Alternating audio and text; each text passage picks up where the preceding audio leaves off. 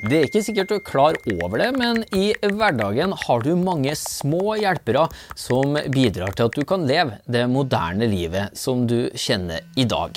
De får mobilen din til å gjøre det du vil at den skal gjøre. De sørger for at du får betalt for deg i butikken. De er i datamaskina di.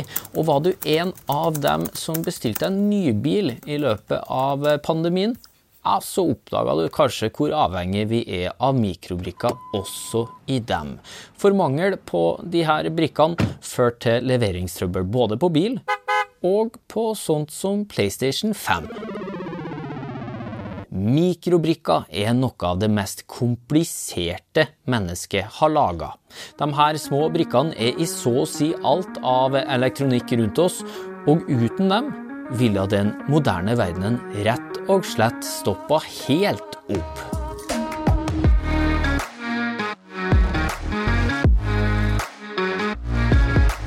Du hører podkasten Smart forklart med Aksel Faanes Persson. Hjertelig velkommen til en ny episode av Smart forklart. Podkasten fra oss i Sintef der du risikerer å bli litt klokere og få litt større tro på framtida for hver eneste gang du lytter innom. I denne episoden så handler det om mikrobrikker, som er en mye større del av livene våre enn mange av oss er klar over. Og det her er da den første av tre deler i en miniserie om mikrobrikker, der eh, målet for akkurat denne delen som du hører på nå, er å gi oss en forståelse av eh, hva det her er for noe, og hvordan det fungerer. Og det skal jeg si er ingen liten forklaringsoppgave. Og de to som stiller modig til start i dag, angrer kanskje bittert akkurat nå. Ralf og Kristoffer, velkommen. Ja, nei, Jeg angrer jo ikke på det, for dette er jo noe av det som er morsomst å snakke om, da. Ja, Det er bra. Det er, det er godt å høre. Ralf der, da, som du hørte stemmen på nå, William eh, Bernstein. En mann som ikke er redd for å kaste seg ut på revyscenen. Eller man må kanskje være Sintef-ansatt for å få se akkurat i den settinga? Ja, det må du være, og det anbefaler jeg å være også. ja, grunn til å søke jobb her. Eh, takk ikke nei, da, hvis det skulle komme tilbud om større Nei, det vet jeg ikke. Vi vet aldri hva som skjer etter å ha vært med i podkasten her, vet du. Ja. På jobb, da, så er du senior forretningsutvikler, Ralf. Du har vært med på å bygge opp eh, Minalab her i Sintef, som er en lab der det forskes og utvikles eh, mikrobrikketeknologi og der det til og med produseres mikrobrikker. Det gjør det. Ja, Det er utrolig kult at vi har noe sånt i Norge. Jeg ligger da i Forskningsparken midt i Oslo, den laben. Og den er 20 år i år. Ja. Gratulerer med det. Ja, takk. Vi har holdt eh, bygd opp den for 20 år siden, og nå har vi fått inn nesten alt vi lovte for 20 år siden, og nå er det å tenke videre. Ja. I løpet av de eh, 20 årene så har du vært litt utafor det labeventyret. Noen år du, du også, da, før du nå har kommet tilbake for å Gjøre det som vi trenger å gjøre for å løfte det til nye, store høyder. Kanon. Kanon. Eh, har da doktorgrad i overflata. Eh, underviser i mikrobrikketematikk på NTNU også. Eh, tror ikke vi skal si så mye mer om det, for da blir du høy på pæra. Eh, og så har vi Kristoffer Dirdal, en mann som for tida er dypt inne i småbarnsbobla. Eh, Stemmer. Ja, holder deg til små ting på jobben også. Eh, Der du er forskningsleder her ja, den er syltynn. Forskningsleder her i Sintef og en del av det dyktige Minalab-laget. Du har doktorgrad i elektromagnetisme, Riktig. som bl.a. handler om usynlighetskappa, har jeg skjønt. Det stemmer, det. Og sånne ting sånn som Star Wars-hologrammer. Alt det man syns er spennende når man ser på science fiction. Ja. Eh, Det skal vi få høre mer om i neste episode, tenker jeg. Eh, Og ellers da så kan du notere at eh, Chris han er en finfin fyr. Sånn, da har du det på tape TV-tid. Hva hadde verden vært uten mikrobrikker? Nei, det er et godt spørsmål. Altså, Hva er det som ikke bruker mikrobrikker i dag, nesten? Den digitale verden vi lever i, er jo fundert på mikrobrikker. Vi kunne ikke ringt ut fordi mikrobrikker er i telefonen. Kunne ikke ha reist, for det er flere hundre mikrobrikker i bilen og i fly og tog og sånne ting. Eh, kunne ikke handlet. Jeg, det er lenge siden jeg har brukt peng, kontanter. Ja. Og vi kunne ikke jobbet uten den. PC-en er jo en haug med mikrobrikker. Mobilen Nei, vi, vi omgir oss virkelig med mikrobrikker overalt. og i, det er i, i andre ting enn de, de PC-er kjenner vi jo igjen, men altså sånt som i nesten alt kjøkkenutstyr inneholder jo mikrobrikker nå. Og, på, og industrien er jo helt avhengig av mikrobrikker. Vi vi er rett og slett avhengig av det i, i nesten alt vi gjør. Tannbørsta mi og barbermaskinen min skal også kommunisere med telefonen min for tida. Hadde jo klart deg uten akkurat den funksjonen. vil jeg tørre påstå, Men altså, det er jo liksom artig. Altså, jeg leste i Aftenposten uh, nylig da, at eh, før så var romraketter det som uh, de her tech-milliardærene uh, gjerne brukte som statussymbol. da. Nå er det mikrobrikker. Yes. Ja. Nvidia-chips kniver de an å få tak i nå. Så vi kommer kanskje inn på det med kunstig intelligens seinere, men kunstig intelligens og alt det hypet rundt det forutsetter at man har brikker, regnekraft nok, til å få det til. Ja. Ja, og- det er jo 1000 milliarder mikrobrikker som lages per år. Og det er jo over 100 mikrobrikker per person på hele jorda. Hvert Så- år? Hvert eneste år. Vi har 100 Ja, så, så hver og enkelt av oss får altså tilgang til over 100 nye mikrobrikker hvert år. Så det sies jo litt om hvor, mange, hvor viktig de er for oss. De er absolutt overalt. Og sånn som vi har eh, innrettet oss nå, så vil eh, alt stoppe opp uten mikrobrikker. Ja, og derfor er det jo også da en sånn chip war going on i i verden i i dag. Vi skal ikke gå for mye inn på den, men altså det handler jo rett og slett om at 90% av de mest avanserte mikrobrikkene blir, blir laga ett sted i verden, Taiwan. Og skulle det skje noe jordskjelv, skulle det skje noe konflikt der, så vil jo resten av verden slite, sånn som vi gjorde under pandemien. Og derfor er det nå da eh, en, et kappløp om å få etablert det i USA og Europa, er det ikke sånn? Jo, det er nøkkelteknologi for alt som ligger foran oss. Så Europa vil være fremst på det, USA vil være fremst på det, og ikke minst Kina vil være fremst på det. Ja, så nå, nå bygges det opp produksjon av mikrobrikker også i Europa og USA i mye større grad enn det har vært de siste årene.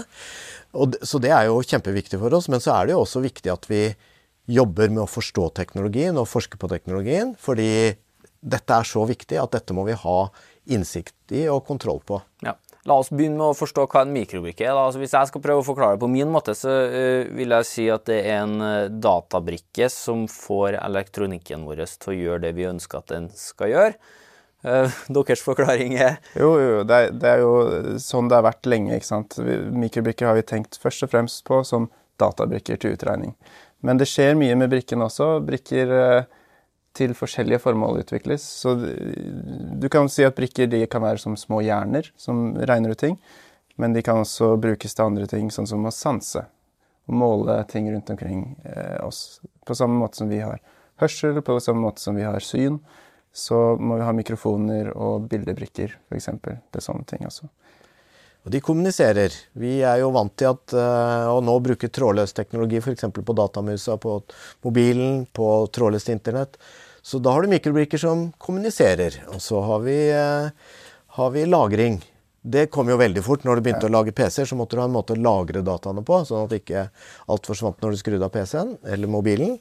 Så da har du lagringsbrikker. Så det er det som er så fantastisk med denne teknologien, at det er én grunnleggende teknologi som kan brukes til veldig mye forskjellig. Ja, og, og teknologien er at vi får øh, gjort ting smått. Ja. Få det nedpå en liten brikke, og så brukes den brikken bl.a. blant annet til hva var det du sa?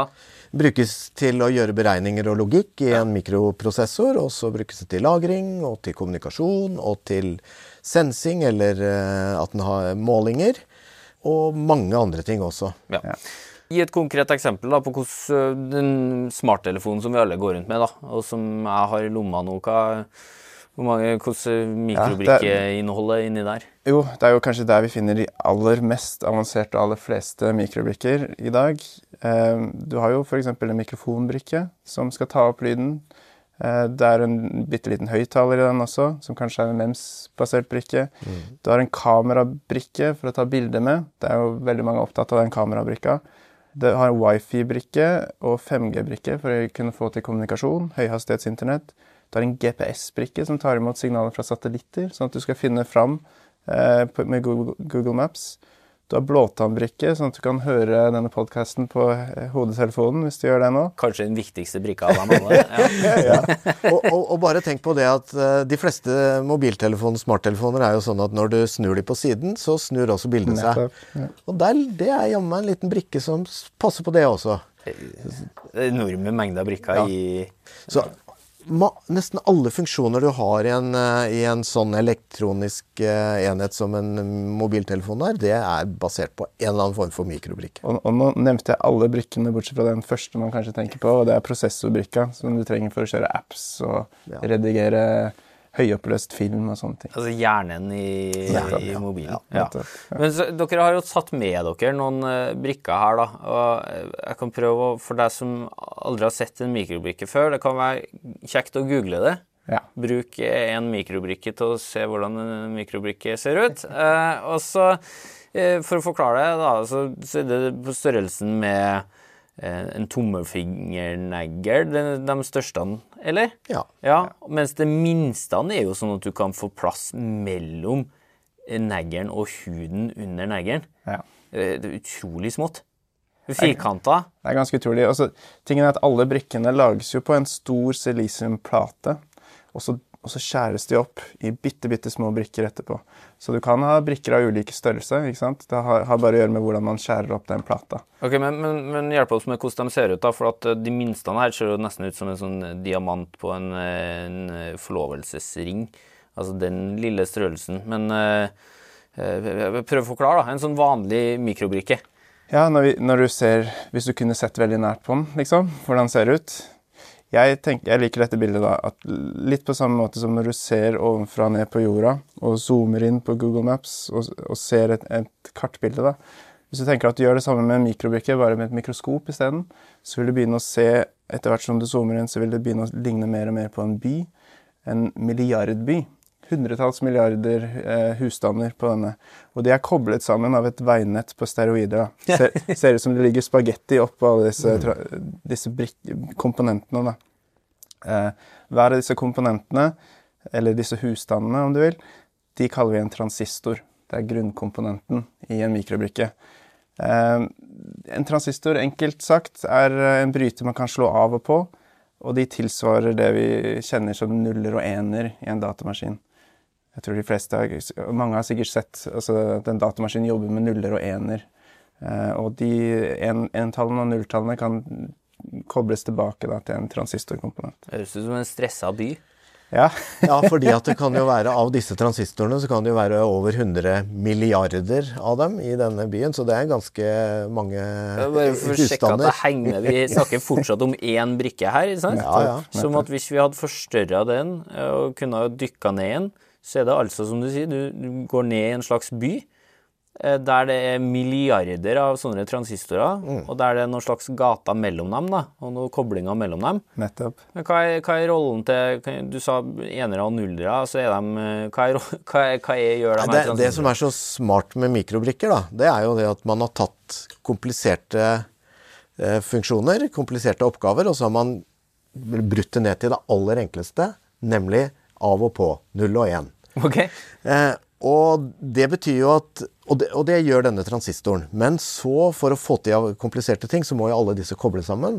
Og du skal koble sammen da over 100 milliarder av dem. Eh, for å gjøre alt det en sånn databrikke må gjøre. Og bare for å gi et eksempel. Eh, fordi vi har brutt ned til disse enkle oppgavene, så bare for å summere eller legge sammen to tall, så trenger vi 50 sånne transistorer. Så på en måte fordelen er at hver enkelt av dem gjør en av de enkleste oppgavene man kan tenke seg, men man må ha enormt mange av dem for å få til alt det en sånn mikroprosessor eller databrikke skal gjøre.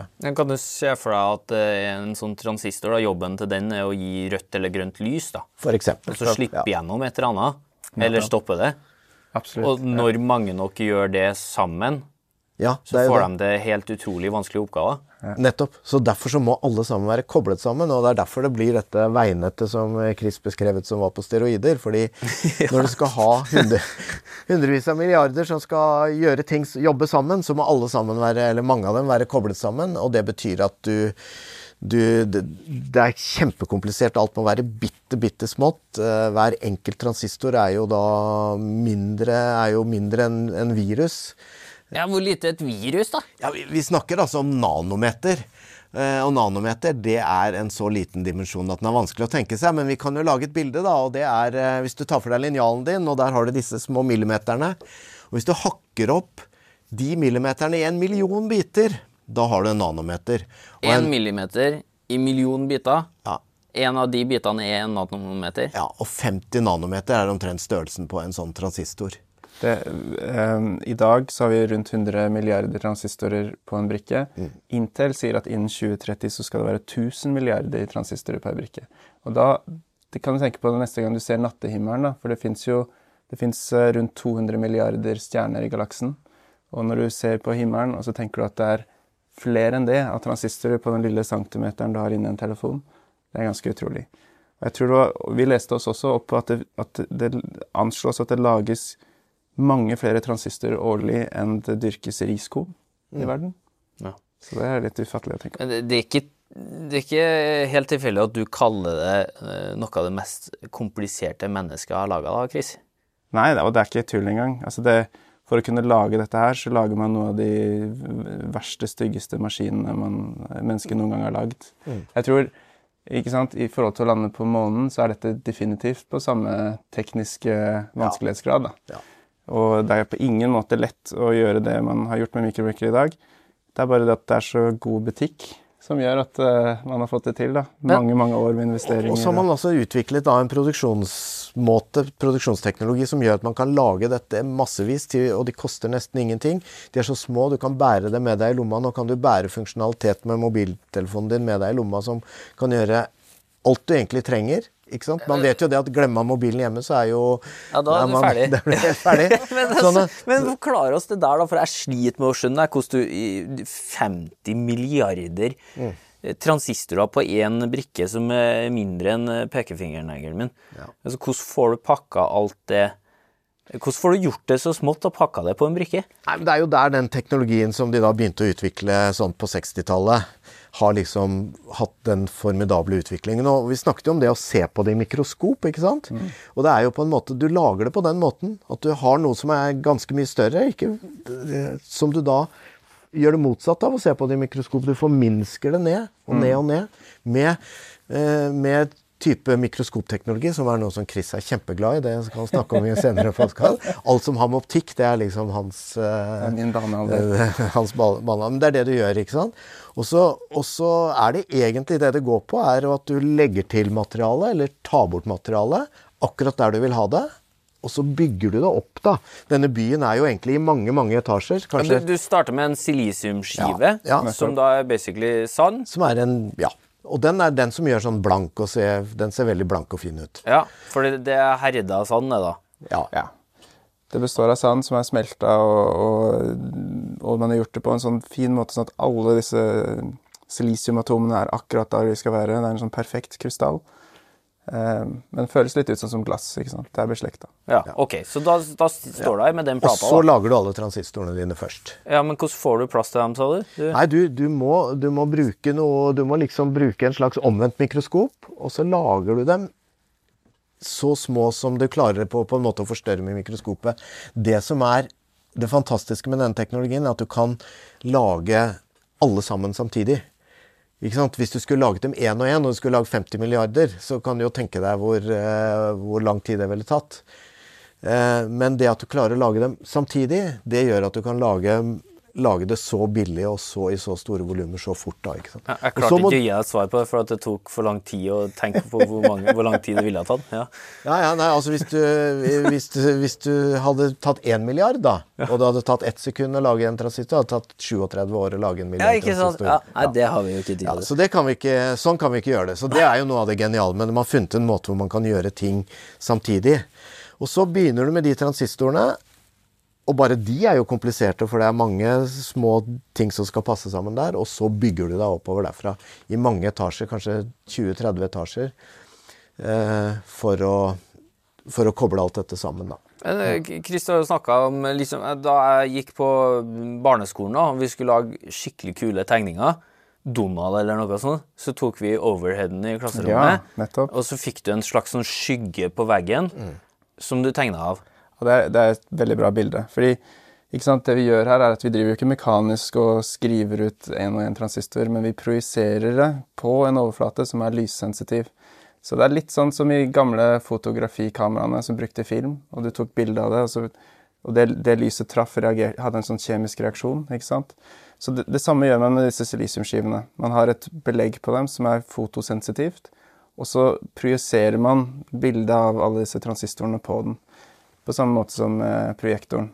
Bare at her så må du lage ganske fin, finoppløst eh, projeksjon. Og det er der eh, det vanskelige ligger. Så i, i, starten av hele bransjen så var det ikke så vrient å projisere et bilde ned. Eh, men så handler eh, hele den industrien handler om å gjøre ting mindre og mindre.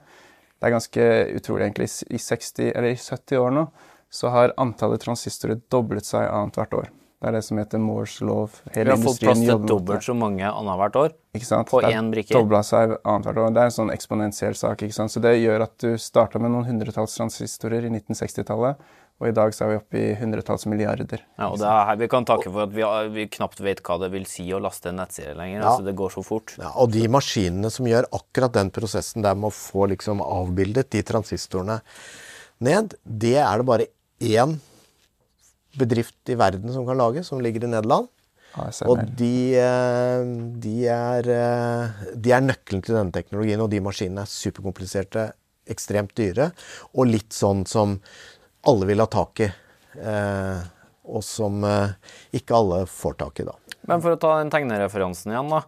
Altså, det er som å tegne med Før så tegna vi med bred pensel. Nettopp. Nå så klarer vi å tegne med en uh, nyspissa blyant. Ja, ikke sant? Nanopensel. Ja. Så den teknologien er helt vill.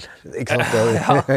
ja, jeg er enig. Ja. ja. Ikke sant? Sånn at uh, man er jo veldig fascinert av alt dette kan brukes til, og vi har jo snakket om mye av det, og mange tenker ikke over det. At uh, alt, alt, det vi får til med disse mikrobrikkene. Men vi som jobber med det og forsker på det, vi er jo også superfascinert av av selve metoden å lage det på. Selve den produksjonsteknologien. Så når Chris er borte på pappaperm i et halvår han, og kommer tilbake, så har det blitt helt ja, nei, men, okay, men, men, men litt, det er jo litt artig, for dere jobber jo faktisk med det her. Det er ikke, det er ikke noe dere bare har lest dere opp på. Altså, hvordan gjør man det på Minalab uh, her, da?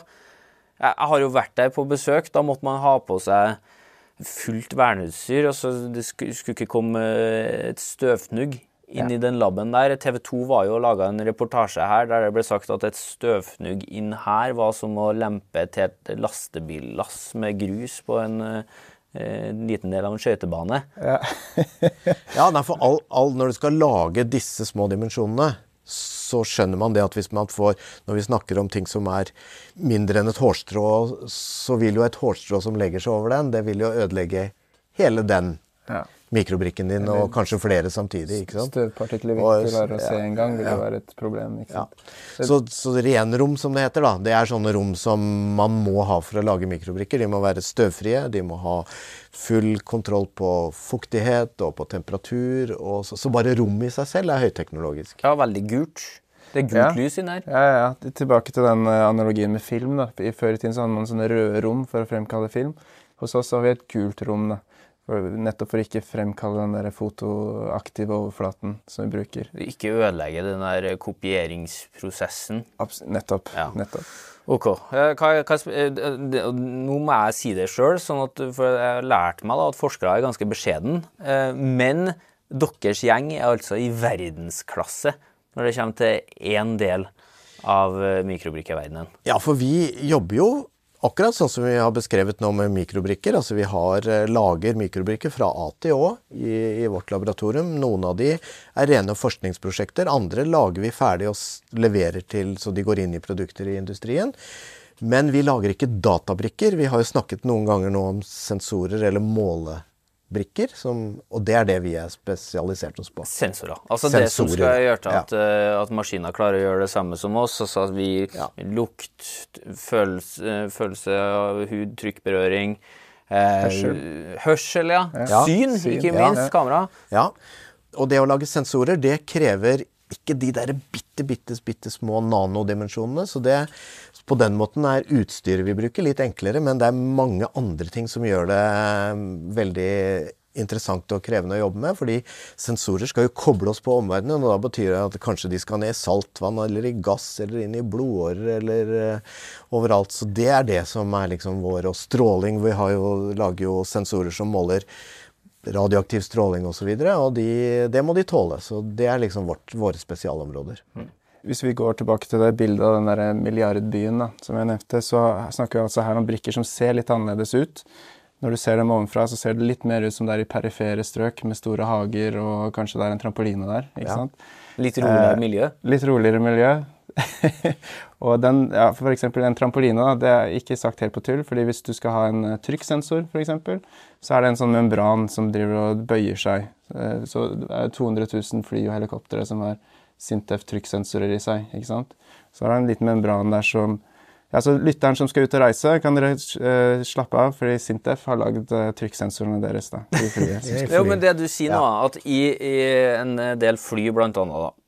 Eh, Så neste gang du flyr, så kan du tenke på det, at her har eh, gjengen i Minalab faktisk gjort meg trygg, fordi at der er noen trykksensorer som følger med på annet hvor flyet er, da. Høyden. Høyde, høydemåler. Ikke sant. Ja. Og for å Det- få til det, så må du altså få en trampoline ned på den uh, mikrobrikken, er det det du sier, Chris? Nettopp. Og den trampolinen den bøyer seg avhengig av trykk. ikke sant? Så måler du hvor mye den har bøyd seg.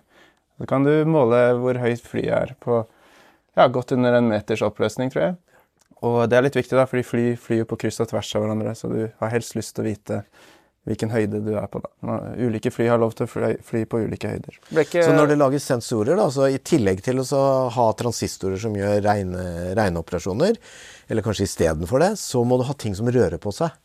Og det er liksom det som er eh, sensorteknologi og det vi jobber med i Minalab. Da må vi i tillegg til ledninger og, og de tingene der, så må vi også lage deler av mikrobrikker som rører på seg. Ja, og da er vi inne på noe som er kanskje det kuleste av alt, og det er MEMS.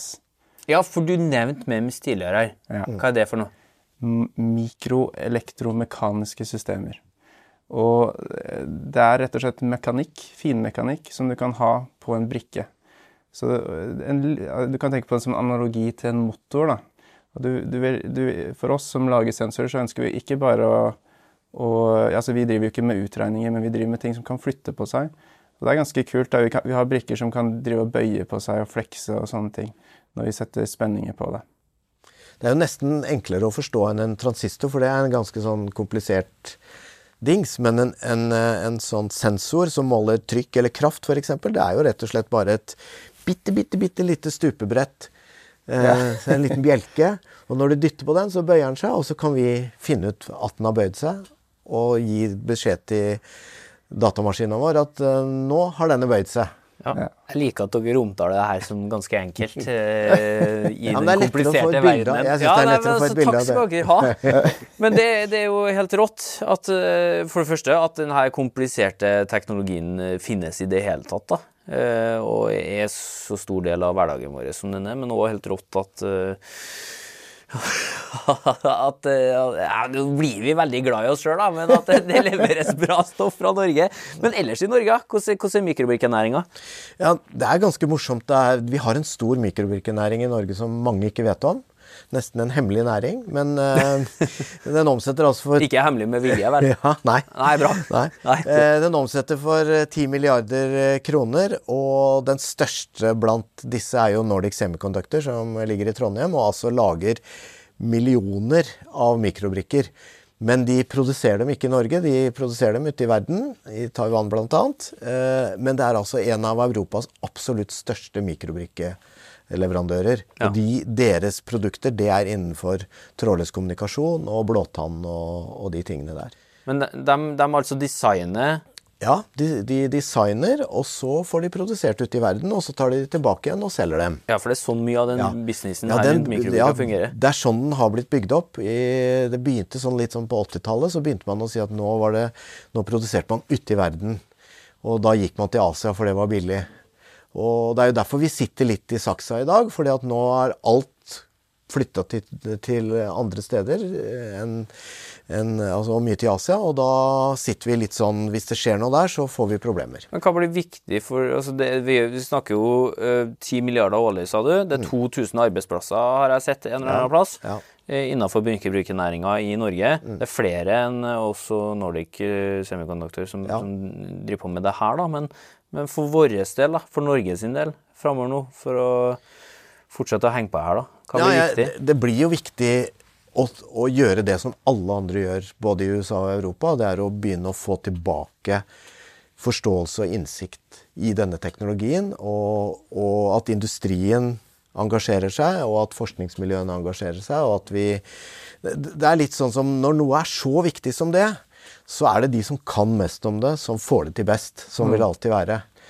Sånn at uh, vi, Det er jo det de snakker om, at vi må ta tilbake teknologilederskap, er det begrepet som brukes. Det, så det betyr at vi må forske på det, vi må, industrien må få innsikt i det, vi må få tilgang til teknologiene, og vi må også fortsette å lage våre spesialbrikker. De må vi også fortsette å lage i Norge. Ja, fordi, Hvorfor kan vi bare få fra Jeg skjønner jo det der med forsyningssikkerheten, men altså, hvorfor kan vi bare få brikker fra resten av verden? da? Hvorfor må vi absolutt lage det sjøl? Jeg tror det er et ganske viktig poeng, egentlig. fordi i Norge, hvis vi tenker på hva vi driver med her, så er det ganske annerledes eh, ting vår industri gjør enn i mange andre land. Eh, vi må utvikle brikker som skal jobbe i veldig krevende miljøer, offshore f.eks eller med høy, høyteknologiske prosesseringsindustri osv. Vi kan ikke ta det for gitt at uh, utviklere i Tyskland eller i Sverige utvikler sensorer som passer til våre formål. Da. Så det er viktig at så, ja. vi også har en hånd på rattet. For den, Når vi snakker om mikrobrikkindustrien, så snakker vi ofte om de som lager dem. Men i Norge så har vi jo en veldig stor industri som bruker mikrobrikker.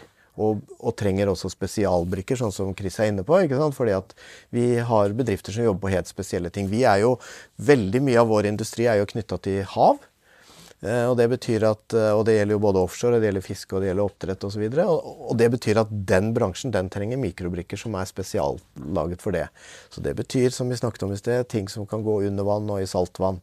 Og, og derfor så må vi ha, ha egen virksomhet rundt det. Ja, men altså, det, det jeg er mest bekymra for, er å havne i en sånn skvis igjen. At eh, jeg må eh, vente på smarttelefonen min, at den blir levert. At jeg eh, bestiller meg ny bil. da. Så jeg er heldig nok til å kunne kjøpe meg en bil en gang i den økonomiske framtida her. da. Men, og, og, så må jeg vente to år kanskje før den blir levert. Altså Å unngå å havne i sånne situasjoner ja. og ha teknologien tilgjengelig er jo kanskje det viktigste for, for meg. da. Ja, så da gjør jo, så da, Nå satser jo EU store midler, altså titalls milliarder euro, for å få bygd opp både forskningskapasitet og produksjonskapasitet i Europa. Det hjelper jo forbrukerne ganske mye, for da blir det spredd risikoen blir jo spredd litt rundt omkring i verden. Og, eh, og det er jo vi, her må jo vi også engasjere oss fra Norges side og delta i de ja, Skal vi bygge fabrikker sjøl, eller hva er, hva er, tanken der? Jeg har ikke sett noe initiativ på å bygge en sånn fullskala mikrobrikkefabrikk i Norge. Det det hadde jo vært gøy, men jeg, det er såpass kostbart at det tror jeg er vanskelig. Men vi må engasjere oss i de underliggende teknologiene, og vi må være med på de prosjektene som foregår rundt i Europa på det, og vi må gjøre masse selv. Ja. Mye mer selv. Hvis du har hatt et par milliarder kroner til overs, da, Ralf? Hvor skulle du ha brukt dem? Ja, da tenker jeg at den, det som vi nå gjør på forskning, utvikling og småskala produksjonssiden, det må vi få et step opp på. Fordi eh, vi har Minalab er som sagt 20 år, og vi har fått til veldig mye der. Det har hatt en fantastisk utvikling. Og nå må vi ta det neste trinnet. Og det betyr både på forskningssiden og på det som vi kaller for pilotproduksjon, som er noe sånn mellom, mellom forskning og høyvolumproduksjon som industrien kan ha nytte av. Men, så, så blir jeg liksom, øh, La oss si at en rik onkel eller tante som hører på nå, da, har lyst til å investere i noe. Hva er what's in it for dem? da? For det er, jo, det er jo så billig, de her brikkene nå, hvis vi kan ha så mange i en eh, Ja, nå begynner nå smarttelefonene å bli ganske dyre òg, da. Mm. Men, men, hvor er det er jo så billig å kjøpe, er det ikke det? Ja, det er det som er det store Det som er morsomt, som er morsomt med microbricker. De, de, bruker verdens mest avanserte utstyr til å lage noe som ikke koster noen ting som helst. Og så kan du lure på hva, what's in it for me i det der. Og det har jo rett og slett å gjøre med hvor mye man selger av det. ikke sant? Tenk hvis du fikk ti kroner for hver iPhone som er solgt i hele verden. Ja, det blir jo enorme summer av det. Ja. Og det er jo en av de store suksessene til mikroteknologi. da. Det er ikke bare det at man klarer å lage ting smått, fordi det er jo veldig vanskelig i seg selv. Men det er at du kan lage så mange av dem på samme tid, at du, at du får denne volumskaleringen ut av det. At det blir en så billig teknologi. Det er eh, rett og slett sånn som Gutenberg-pressen var i sin tid. Før Gutenberg så hadde nesten ingen råd til å ha en bok.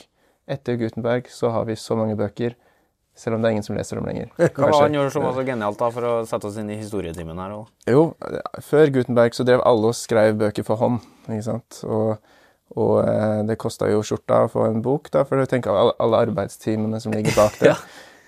um, Men han fant på at jeg kan jo bare trykke hele sider som et stempel. Trykke side etter side. Og plutselig så kunne alle få seg en bok. Og for å dra det over til mikrobrikkeverdenen nå. Jo, det, det var litt det samme som skjedde da i USA på 60-tallet. At de fant ut at her kan vi lage massevis av kretser bare ved å gjøre, gjøre den lysprojiseringen vi var inne på, det som heter litografi. Da kan du lage en, en, en skive med masse, masse kretser, og det koster ikke noe mer å lage Altså på den salg... Prisen per skive er konstant, da. Så det koster ikke noe mer om du gjør alle kretsene mindre. Så du får rett og slett en enorm volum eh, i dette her. Og så er det jo det med den verdiskapningen som en sånn som ligger i en sånn mikrobrikke. Det er jo der vi spesielt i Sintef jobber, for vi lager jo brikker som går inn fra oss, og de koster ikke så innmari mye hver enkelt av de, men når de puttes inn i et instrument, f.eks. vi nevnte et fly, tenk deg det, ikke sant? hvis de en mikrobrikke som bare koster noen hundrelapper, går inn i et fly. Hvor stor verdiskapningen er på veien fra den går ut av vår lab og inn i det flyet. Det er jo også et, et veldig viktig element av det. og Det er derfor vi syns det er viktig at man jobber med dette i Norge. Fordi vi har en stor industri som vi kaller for, som driver med ulike typer instrumenter og målinger og alt sånt. Og hvis de kan ha sin egen mikrobrikke, så ligger det en veldig stor verdiskapning i det. da. Det er fantastisk. Så, så er det liksom, jeg blir jo litt sånn, eh, Når dere snakker om at dere har tatt så store steg annethvert år Det virker jo som den teknologien har kommet utrolig langt. Eh, For de er jo enormt avansert. da. Altså Én liten brikke, én liten teknologi som nå da brukes på så mange forskjellige felt, så blir jo da det her den paraplyen mikrobrikka, da. Eh, Er det, er, det, er, det, er det noe mer å gå på her? Kan vi komme noe lenger? Eller hvor mye lenger Ja, kan men vi altså, komme? det er jo interessant, for det, det skjer jo når man driver sånn og utvikler ting, og det kommer eh, mindre og raskere og billigere. Så én ting er at ting blir mindre, raskere og billigere, men noen ganger så kommer det sånne steg at du kan gjøre ting som du ikke kunne gjøre før i det hele tatt. Eh, og det var litt sånn med meteorologi at plutselig så kunne du beregne været før det kom. eh, og det var liksom på ett steg når man hadde raske nok eh, datamaskiner til det. Og sånn er det litt med KI, da, ikke sant. At det er en helt fantastisk teknologi, men nå, nå trenger man enormt mye regnekraft. Og da er det jo to ting som er problemet. Det ene er at det er en grense for hvor smått du kan lage ting, og den grensen begynner vi snart å nå. og Derfor må vi se på helt nye teknologier for det. Eh, og det andre er jo at vi, når vi da skal bruke dette til KI, så bruker det så mye strøm at liksom hele klimaregnskapet blir helt blir problematisk.